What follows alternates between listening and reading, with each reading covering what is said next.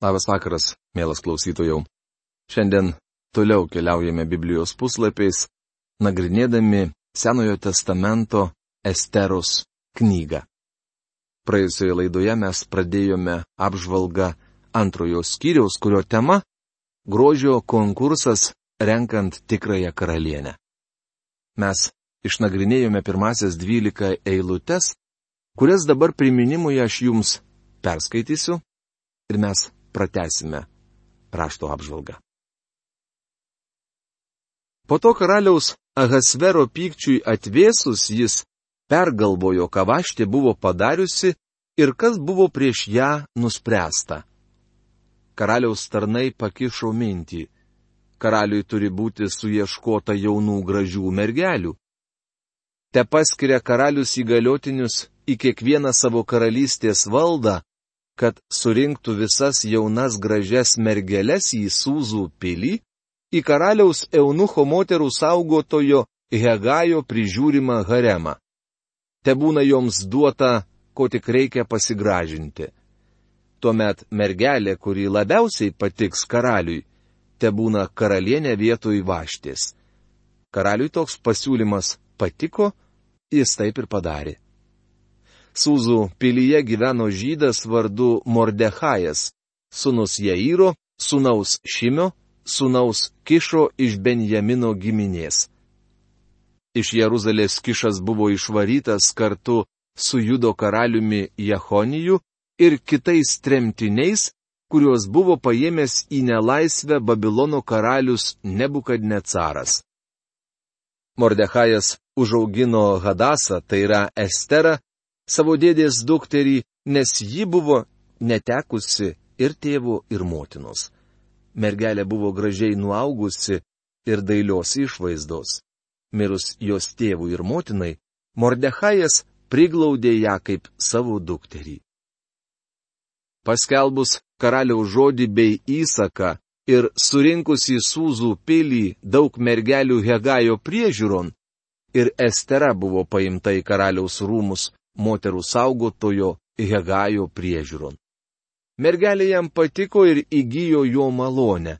Jis ne tik nedelsdamas aprūpino ją pasigražinimo priemonėmis ir maisto daviniu, bet ir davė septynes parinktas tarnaitės iš karaliaus rūmų bei perkelė ją ir jos tarnaitės į geriausią haremo vietą.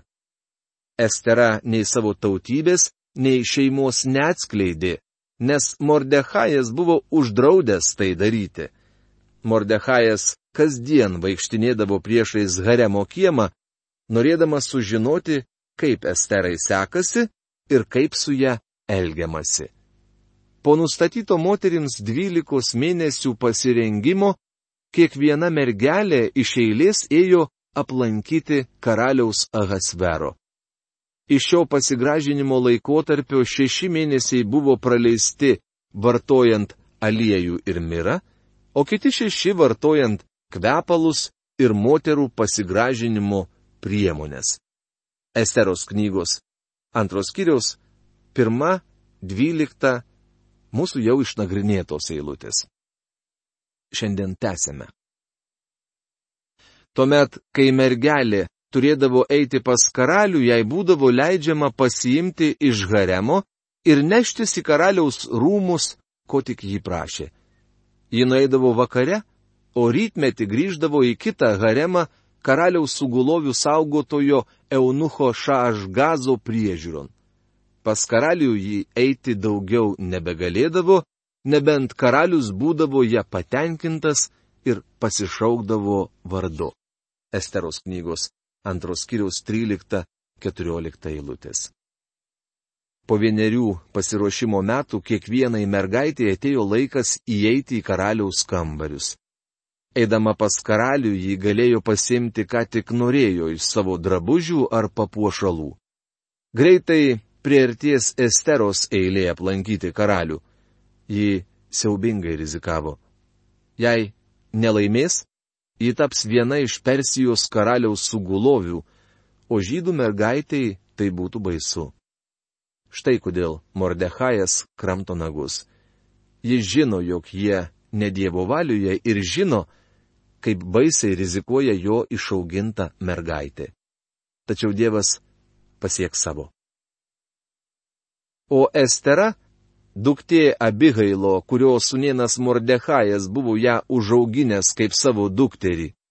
Atėjus jos eiliai aplankyti karalių, neprašė nieko neštis, bet nešėsi tik tai, kas moterų saugotojo karaliaus Eunucho Hegajo buvo paskirta. Bet visi matydami ją žavėjosi. Esteros knygos antros kiriaus penkiolikta eilutė. Kai atėjo Esteros eilė aplankyti karalių, buvo nuspręsta, jog ji tikra gražuolė. Siūsti ją į grožio saloną stengiantis dar daugiau išgražinti reikštų sugadinti grožį.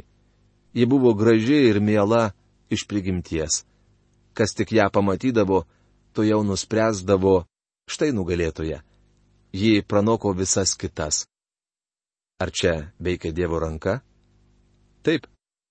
Jis veikia per savo apvaizdą. Jis ketina pasodinti ją į sostą šalia karaliaus, nes jei ji ten nesėdės, bus sunaikinta visa Izraelio tauta. Jei taip įvyktų, Dievas nesilaikytų savo žodžio, o jis savo žodį visada įvykdo.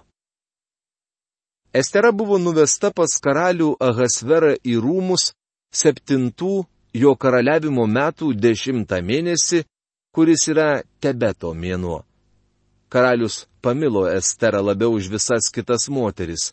Ji įgyjo jo malonę ir palankumą labiau negu visos kitos mergelės. Tad jis uždėjo jai ant galvos karališką vainiką ir padarė ją karalienę vietoj vaštės. Esteros knygos antros kiriaus 16-17 eilutės. Pamačius Esterą, karaliui nebereikėjo ieškoti karalienės. Jo nuomonė, konkursas baigėsi. Jis rado tą, kurį užims vaštės vietą ir taip Estera tapo karalienė. Kaip ji tapo nugalėtoja? Ar atsitiktinai? Nemanau. Ji buvo išrinkta dėl visagalio Dievo apvaizdos. Skaitydami kitą skyrių suprasime, jog Dievui reikėjo iš anksto pasirūpinti, kaip apsaugoti savo žmonės. Jis viską sutvarkė, padarydamas Esterą karalienę. Kaip tik dėl to mes ir buvome supažindinti su pagonių dvaru, puota ir joje vykusių lėbavimu. Dievas nori, jog suprastume, kad jis ima viršų žmonių ir šietono reikaluose. Tai turėtų paguosti Dievo vaikus ir mūsų dienomis. Mes sužinome, jog karalius pamilo Esterą. Turiu pripažinti, jog manęs tai visai nežavi. Tie, kurie esate skaitę mano knygą apie Rūtą, žinote, kokia romantiška buvo Boazo ir Rūtos meilė. Mano nuomonė, tai pati gražiausia, kada nors aprašyta meilės istorija. Ji simbolizuoja Kristaus meilę bažnyčiai. Tačiau turiu pasakyti, jog Ahasvero ir Esteros istorija stokoja romantikos. Ahasveras - senas, nusivylęs karalius, kurio gyvenimo pabaiga jau nebe už kalnų. Tai man primena pasakojimą apie vieną svetim šalį, atvykusi į Ameriką. Jis paklausė, ką reiškia šios trys R raidės, kurios nuolat kartojamos jūsų šalyje. Kažkoks gudročius jam taip atsakė. Kai tau dvidešimt, tai romantika kai 30 - renta arba nuoma. Kai 50 - reumatizmas. Taigi karaliui buvo reumatizmas. Šis senas karalius veda jauną gražią mergaitę. Jis senas pagonis, kuris nei nenutuokia, ką su tuoktinėms gali reikšti tikra meilė Dieve. Turiu pripažinti, jog negaliu pasakyti, kaip kai kurie jog tai Kristaus ir jo bažnyčios paveikslas. Tačiau šis įvykis nepaprastai reikšmingas. Labai įdomu matyti, kaip mergaitė iš tremtinių tautos staiga tampa vienos iš didžiausių pasaulio pagoniškų imperijų karalienė. Neišvengiama antisemitizmo banga būtų šiuos žmonės ištrynusi nuo žemės paviršiaus ir visas Dievo sumanimas dėl Izraelio būtų žlugęs. Tačiau iškilus pavojui, Estera užima unikalią poziciją. Į šią vietą ją atveda Dievas. Esteros garbiai karalius iškėlė didelę puotą visiems savo didžiūnams ir dvariškiams. Be to, paskelbė sritims atleidimą nuo mokesčių ir dalyjo dovanas, kaip dera karaliui. Esteros knygos antros kiriaus 18 eilutė. Pamenate, jog ši knyga prasidėjo nuo puotos aprašymo. Dabar iškeliama kita - Esteros puota. Kadangi karalius dabar turi gražią karalienę, kuri užims vaštės vietą, jis vieneriems metams atleidžia sritis nuo mokesčių. Jei toks dalykas įvyktų mūsų laikais, tai sudrebintų visą pasaulį. Įdomu, jog karalius tikrai turėjo valdžią atleisti nuo mokesčių vieneriems metams. Mes visi džiaugtumėmės, jei būtų surinktas konkursas, po kurio sumažėtų mokesčiai. Nuo to meto, kai mergelės buvo surinktos, Mordechajas leido laiką prie karaliaus vartų. Esteros knygos antros kiriaus 19 eilutė.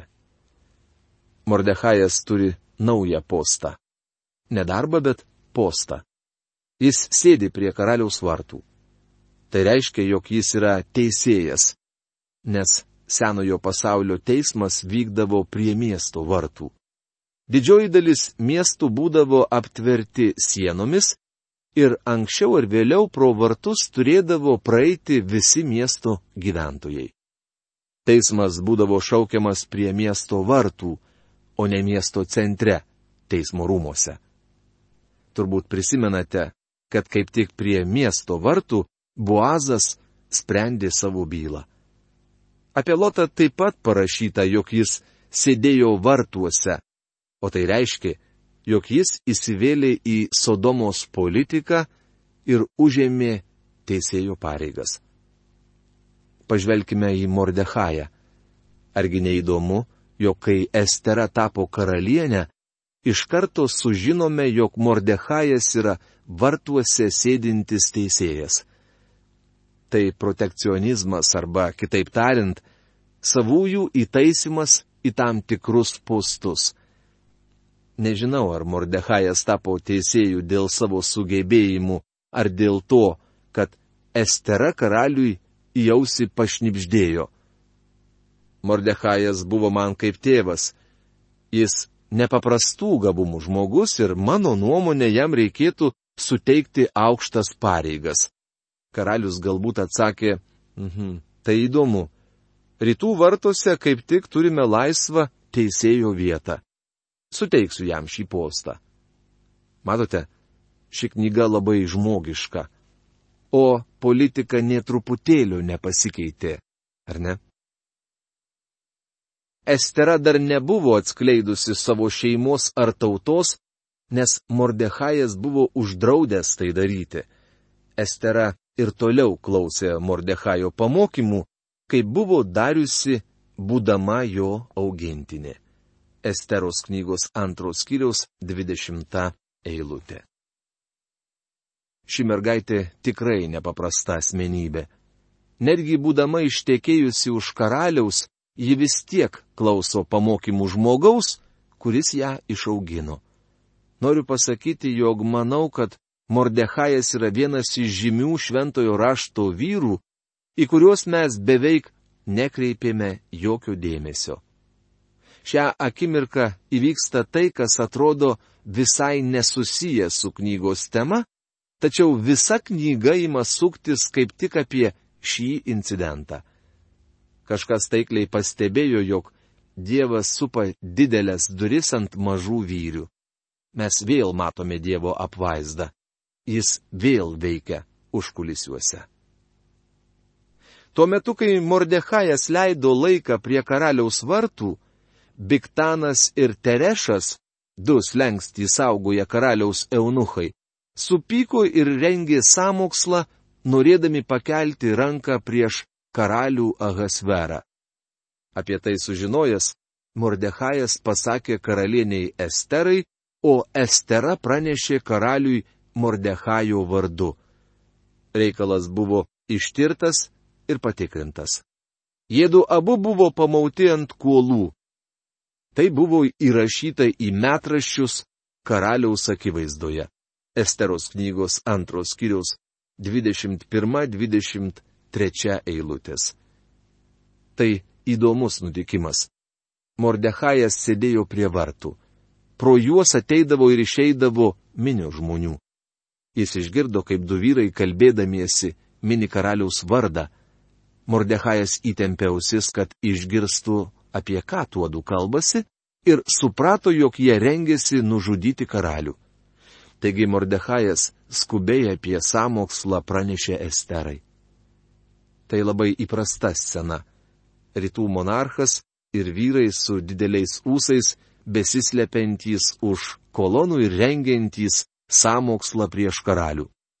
Iš tiesų rytų dvaruose intrigos nebuvo naujiena.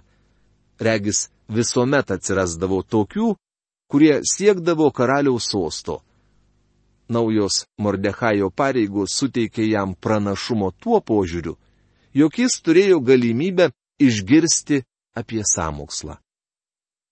Po to, kai Mordechajas papasakojo Esterai apie planą nužudyti karalių, ji viską persakė savo vyrui. Mano nuomonė, ji taip kalbėjo. Pamini, kaip rekomendavau Mordechają į teisėjo vietą, o dabar matai, kaip puikiai jis darbuojasi. Jis atskleidė samokslą prieš tave. Federalinis tyrimų biuras viską ištyrė ir nustatė, jog tai tiesa. Tie vyrai buvo suimti. Jų teismas netruko labai ilgai, eikvojant mokesčių mokėtojų pinigus. Karalius įsakė juos nužudyti ir jie buvo pakarti. Tai turėjo atbaidyti kitus, norinčius renkti samokslą prieš karalių. Žinoma, tais laikais žmonės buvo labai necivilizuoti. Tačiau nenulaidžiavo įstatymų nesilaikymo atvejais ir nusikaltelių nelepino. Visas šis įvykis buvo užrašytas karaliaus metraščiuose, Persijos karalystės protokoluose. Įdomu pastebėti, jog kai kas čia buvo praleista. Modechajų iš tokį patarnavimą nebuvo atlyginta, jis negavo paaukštinimo. Manau, jog jis daug kartų apie tai mąstė, stebėdamasis, kodėl jį taip ignoravo.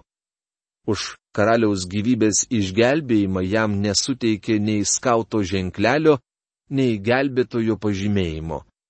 Bent jau tiek jis tikrai nusipelnė. Šis įvykis buvo praleistas. Tačiau Dievas ima viršų. Per savo apvaizdą Dievas tvarko visą šį reikalą. Esteros knyga, trečias skyrius. Tema - Hamanas ir antisemitizmas. Istorija aprašyta šiame skyriuje žydams kartojosi daugybę kartų. Skaitant šį skyrių galima tiesiog pakeisti Hamano vardą faraono, Hitlerio ar Nasero vardu. Čia galima būtų įterpti daug vardų nuo tos akimirkos, kai Izraelis tapo tauta Egipto žemėje, iki dabar dar nebuvo tokio laiko, kad kas nors kur nors nenorėtų išnaikinti žydų. Po šių įvykių karalius Ahasveras, paaukštindamas Hamedatos iš Agago palikonių sūnų Hamaną, davė jam svarbesnę vietą ir pasodino aukščiau už visus kitus su juo buvusius pareigūnus. Esteros knygos trečios skyriaus pirmą eilutę. Čia mes supažindiname su žmogumi, kurio vardas Hamanas. Jis vienas iš daugelio, kurie vadovavo antisemitizmo kampanijoms. Karalius jį paaukštino iki ministro pirmininko posto. Hamanas buvo kilęs iš Agago. Jei atsiversime pirmą Samuelio knygą, 15 skyrių 8 eilutę, sužinosime, jog Agagas buvo Amaleko karalius. Saulis turėjo paklusti Dievui ir išnaikinti Agagitus. Jei Saulis būtų padaręs, kaip jam buvo liepta, jo tauta nebūtų atsidūrusi tokioje situacijoje, nes Agagas būtų visiškai išnykęs.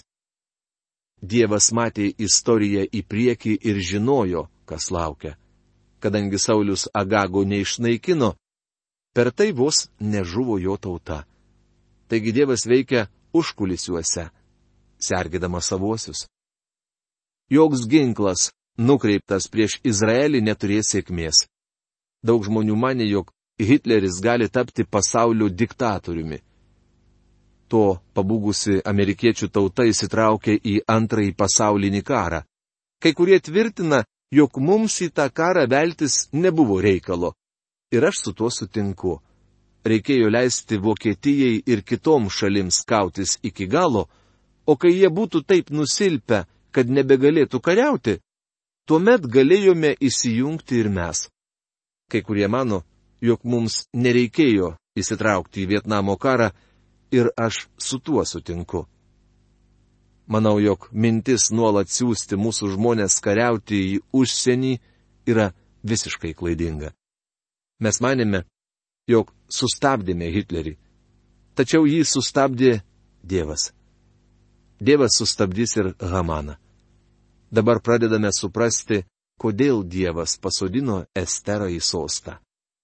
Jei ji nebūtų buvusi karalienė, antisemitas Hamanas būtų išnaikinęs žydus. Jo siekis nebejotinai buvo kaip tik toks. Visi karaliaus dvariškiai rūmų vartuose klaupdavosi ir puldavo kniupsti prieš Hamaną, nes taip jį pagerbti buvo įsakęs karalius. Bet Mordechajas nei klaupdavosi, nei puldavo kniupščias. Esteros knygos trečios skyriaus antra eilutė. Karalius visiems pranešė, jog turi naują ministrą pirmininką ir kiekvienas privalo prieš jį nusilenkti, pagerbdamas jo užimamas pareigas. Mes jau sužinojome, jog Mordechajas buvo teisėjas ir sėdėjo vartuose. Jis dirbo politinį darbą, o tai reiškia, kad būdamas vienas iš karalystės pareigūnų turėjo lenktis Hamanui. Tačiau mes perskaitėme, jog jis prieš Hamaną nesilenkdavo. Draugai, dabar aš pasiruošęs pakeisti savo nuomonę apie Mordechają. Man net norisi šokinėti iš džiaugsmo dėl to, kad jis nenori pagerbti Hamanų. Manau, jog kiti karaliaus tarnyboje esantys pataikūnai praeinant Hamanui krisdavo ant visų keturių. Mat tais laikais, lenkdamiesi jie puldavo veidų žemyn. Dabar pirmą kartą matome, kaip Mordechajo gyvenime pradeda veikti Dievo ranka. Jūs galite sakyti, tačiau jis ne Dievo valioje, kaip Dievas gali veikti, juk Mordechajas privalėjo grįžti į savo kraštą. Teisingai, jis negryžo dėl savų priežasčių, bet kadangi buvo žydas, tai jo vieta buvo Palestinoje. Akivaizdu, jog jis nepaklūsta Dievo valiai, tačiau vis tiek pripažįsta Dievą.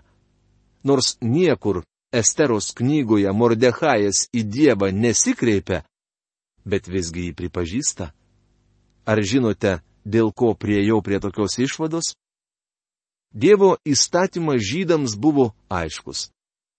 Jie prieš nieką negalėjo lenktis, išskyrus Dievą. Jie negalėjo daryti jokio atvaizdo ir lenktis prieš atvaizdą. Todėl, kai Hamanas, gavęs paaukštinimą, praeidavo pro šalį, visi politikai puldavo prieš jį ant veido, išskyrus vieną žmogų - Mordechają. Patikėkite, kai likdavo stovėti tik jis vienas, tai labai aiškiai matėsi. Mordechajas ir Estera nebuvo tokie ištikimi, kad sugrįžtų į Jeruzalę, tačiau jie rizikavo gyvybę, kad išgelbėtų savo tautą. Todėl apgailestauju dėl to, ką anksčiau kalbėjau apie Mordechają. Mielas klausytojau, dėl to, kad mūsų šiandienos laidos laikas baigėsi. Mes tolimesnę trečiojo skyriaus apžvalgą pratesime jau kitoje laidoje. O šiandien tiek. Iki malonaus susitikimo. Sudė.